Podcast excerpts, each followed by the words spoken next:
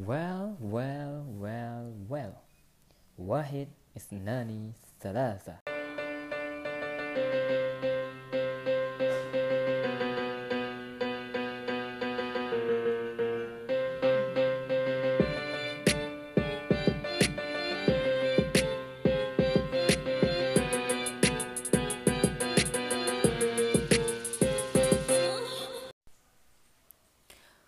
Lagi dengan saya Fardian Faisha Putra dalam Logika Terbalik. Pada kesempatan kali ini, kita akan sedikit berbicara tentang materialisme dialektis. Yang mana materialisme sendiri adalah sebuah paham yang membahas tentang hal-hal yang sudah nampak secara fisik, yaitu materi itu sendiri dan dialektis ialah suatu hal-hal yang bertentangan dalam segala aspek.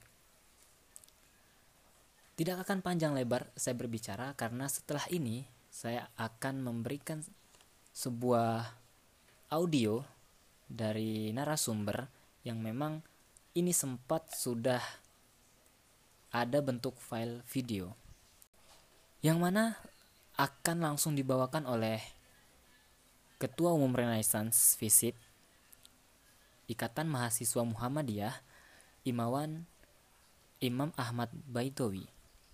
Sekiranya teman-teman e, bisa lebih menyimak dan bisa memahami bahwa apa sih materialisme dialektis itu sendiri dan bagaimana implementasi nanti ketika melakukan segala aktivitas entah di dalam kehidupan sehari-hari maupun hal-hal yang akan lebih spesifik dalam berorganisasi.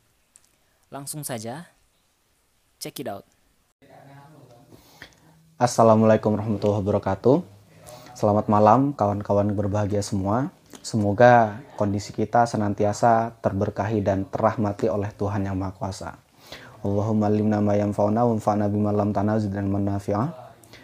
Malam ini saya akan mencoba untuk mengeksplorasi pemahaman saya tentang materialisme dialektika. Dan semoga kajian ini bisa memberikan manfaat yang begitu baik bagi kita semua.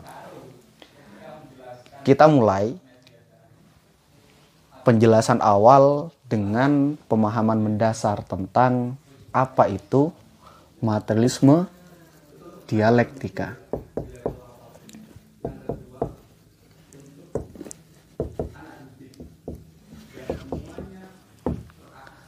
Jika kita menurun jika kita meruntut kepada padanan kata dan kita bedah secara etimologi dan terminologi, materialisme berasal dari dua padanan kata, materi dan isme. Materi sendiri berarti sifat kebendaan dan hal-hal di luar yang abstrak artinya nampak secara fisik, secara ilmiah. Sedangkan isme adalah paham. Maka jika kita gabungkan dalam terminologi, materialisme secara umum bisa kita artikan sebagai suatu paham yang mengutamakan pandangan secara fisik, secara ilmiah, dan menafikan hal-hal yang abstrak. Sedangkan dialektika jika diruntut kepada panen katanya berasal dari bahasa Yunani kuno, yaitu dialego. Dialego sendiri adalah tradisi masyarakat Yunani kuno, di mana waktu itu masyarakat terbiasa untuk berkumpul, bermusyawarah, mendiskusikan hal-hal kemasyarakatan yang kemudian suara mayoritas akan dipilih sebagai kebijakan negara kota. Nah, Poin yang bisa kita tangkap di situ adalah pemikiran dialektis yang terjalin dan berkelindan satu sama lain antar masyarakat. Konsep dialektika ini kemudian diturunkan dan dipakai oleh filsuf dari Jerman yang kita kenal sebagai Jos Wilhelm Friedrich Hegel. Hegel sendiri kemudian menamakan konsep tersebut sebagai dialektika inti dari pemikiran Hegel, dia percaya bahwa kelangsungan kehidupan bergantung terhadap pemikiran dialektis yang terjadi di antara pemikiran manusia. Dan akan ada keniscayaan bahwa pemikiran manusia akan selalu berbeda-beda. Dan justru itu yang kemudian akan melestarikan kehidupan manusia sendiri. Poinnya, dialektika terjadi di tataran pemikiran.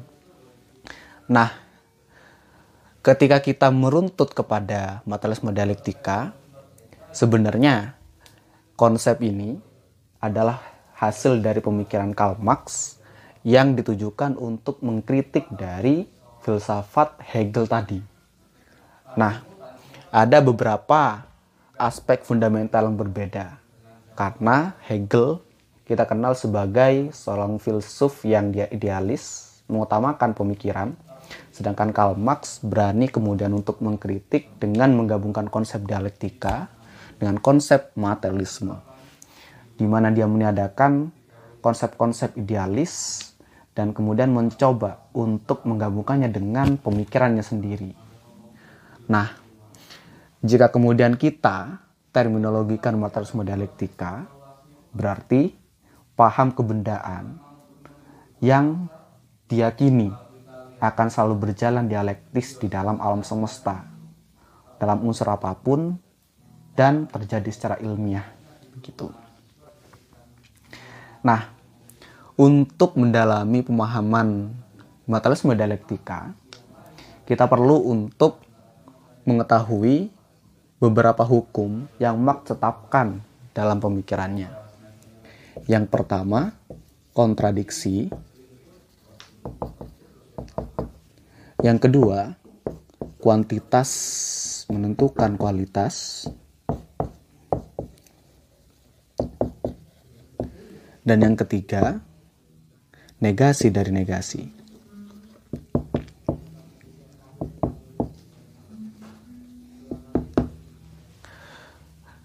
Ketiga hukum ini tidak bisa dipisahkan satu sama lain dan tidak ada yang lebih dahulukan. Artinya, ketiga hukum ini menjadi keutamaan mutlak dalam menjalankan prinsip materialisme dialektika. Kontradiksi secara umum bisa kita artikan sebagai pertentangan. Karl Marx mempercayai bahwa segala sesuatu yang ada di dunia ini, segala materi, segala unsur memiliki pertentangan satu sama lain. Jika Hegel percaya bahwa pertentangan terjadi dalam tataran pemikiran, Karl Marx mengubahnya menjadi lebih radikal dengan keyakinan bahwa ide adalah tataran abstrak dalam kehidupan karena masih belum berbentuk praktik dan karena belum diimplementasikan juga.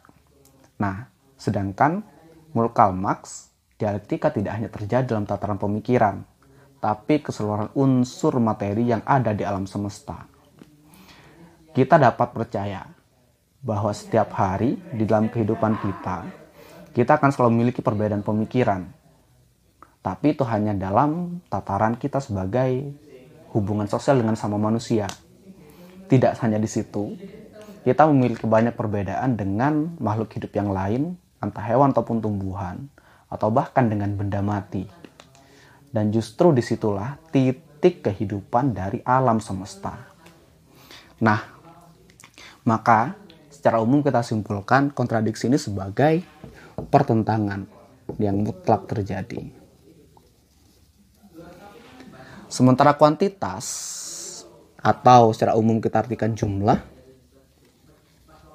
dan kualitas mutu.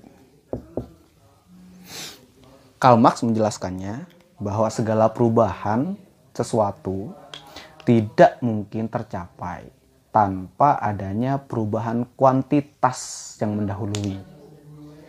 Kita ambil contoh air yang dididihkan di dalam suatu panci akan semakin terkikis menjadi uap.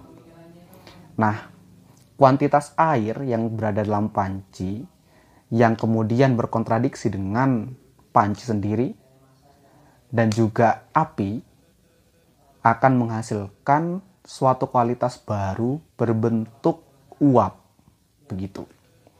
Nah, hal ini bisa kontekskan ke hal apa pun. Yang paling sederhana mungkin dalam kehidupan kita. Setiap hari kita tidak pernah merasakan bagaimana sepersekian detik kita menjadi seseorang yang terus berubah dan berkembang. Kuantitas dan kualitas ini tidak serta-merta diartikan dalam bentuk fisik, tapi dalam perubahan mutu materi itu sendiri begitu. Seorang maling akan semakin ulung ketika dia semakin melancarkan praktiknya sebagai maling. Tidak mungkin dia akan berpengalaman jika dia hanya sekali mencuri. Semakin dia mencuri, semakin tinggi kualitasnya dalam mencuri. Begitu. Nah, sementara negasi dari negasi, negasi ini secara umum kita artikan sebagai peniadaan. Maksudnya peniadaan adalah segala sesuatu sepersekian, sepersekian detik akan selalu menanggalkan identitasnya, akan selalu berkembang dan berubah ke arah yang lebih maju. Tapi bukan berarti sesuatu itu kehilangan identitas sejatinya. Saya yang berada di sini adalah seseorang yang sama saat saya pertama kali dilahirkan, tapi dengan bentuk fisik yang berbeda, dengan kapasitas yang berbeda pula. Tapi bukan berarti itu adalah orang yang berbeda Nah, tiga prinsip ini adalah hukum yang mendasar untuk kita gunakan dalam menerapkan materialisme dialektika. Sekarang, kita coba kontekskan ke dalam aspek organisasi. Um, kita masuk organisasi karena kita berbeda. Tak tidak mungkin kita masuk ke dalam suatu komunitas masyarakat apa pun dengan bentuk ataupun pemahaman yang benar-benar sama. Justru kita dipersatukan oleh perbedaan. Nah, kontradiksi secara umum akan selalu kita temukan dalam setiap detik pertemuan dan intensitas dalam organisasi. Organisasi memiliki tujuan, pun kita sendiri masuk ke dalam organisasi tersebut memiliki tujuan secara individu. Nah, dari sini justru kemudian menjadi titik fundamental bagi keberlangsungan organisasi tersebut. Tidak mungkin organisasi bisa berkembang tanpa ada banyak perbedaan di dalamnya, gitu. Begitupun ketika kemudian organisasi dipandang sebagai satu kesatuan, entitasnya akan berkontradiksi dengan organisasi-organisasi yang lain. Ketika kemudian kader-kadernya pergi kampus, berinteraksi dengan dosen, teman, atau bahkan kader dari organisasi lain, nah kontradiksi-kontradiksi yang dimunculkan akan kemudian menghasilkan pemahaman dan juga kapasitas kader-kader yang semakin maju begitu. Nah, artinya mutu dari seorang kader ditentukan bagaimana dia menerapkan kuantitas dan kualitasnya juga. Semakin tinggi dia berpraktik dalam organisasinya, maka mutlak dia akan semakin paham terhadap organisasi tersebut. Tidak mungkin seseorang yang berada di luar masa akan benar-benar mengerti kondisi real dalam masa tersebut begitu dan semakin banyak jumlah kader yang ada di dalamnya, maka semakin banyak juga perbedaan dan kontradiksi yang akan ditemukan. Memang, di salah satu sisi akan semakin meningkatkan potensi konflik. Hanya dengan kuantitas dan kualitas yang berbeda di dalam masing-masing individu tersebut, jika dikelola, akan menimbulkan potensi yang betul-betul besar untuk dikembangkan di organisasi gitu. Nah, sementara negasi dari negasi ketika kemudian kita masuk ke dalam satu organisasi dengan beragam latar belakang yang berbeda, maka sudah menjadi keniscayaan kita memiliki kepribadian ataupun identitas yang berbeda-beda pula. Hanya kemudian kembali disatukan dalam satu wadah berbentuk organisasi. Nah, ketika kemudian masuk, maka kita akan dikenal sebagai satu entitas kesatuan yang dikatakan sebagai kader. Nah, perilaku kita, ucapan kita akan mencerminkan bagaimana organisasi kita dikenal di masyarakat. Secara umum, itu adalah uh, prinsip yang kemudian bisa kita terapkan dalam organisasi. Nah, sekarang kita masuk ke aspek yang lebih mendalam tentang pengertian organisasi itu.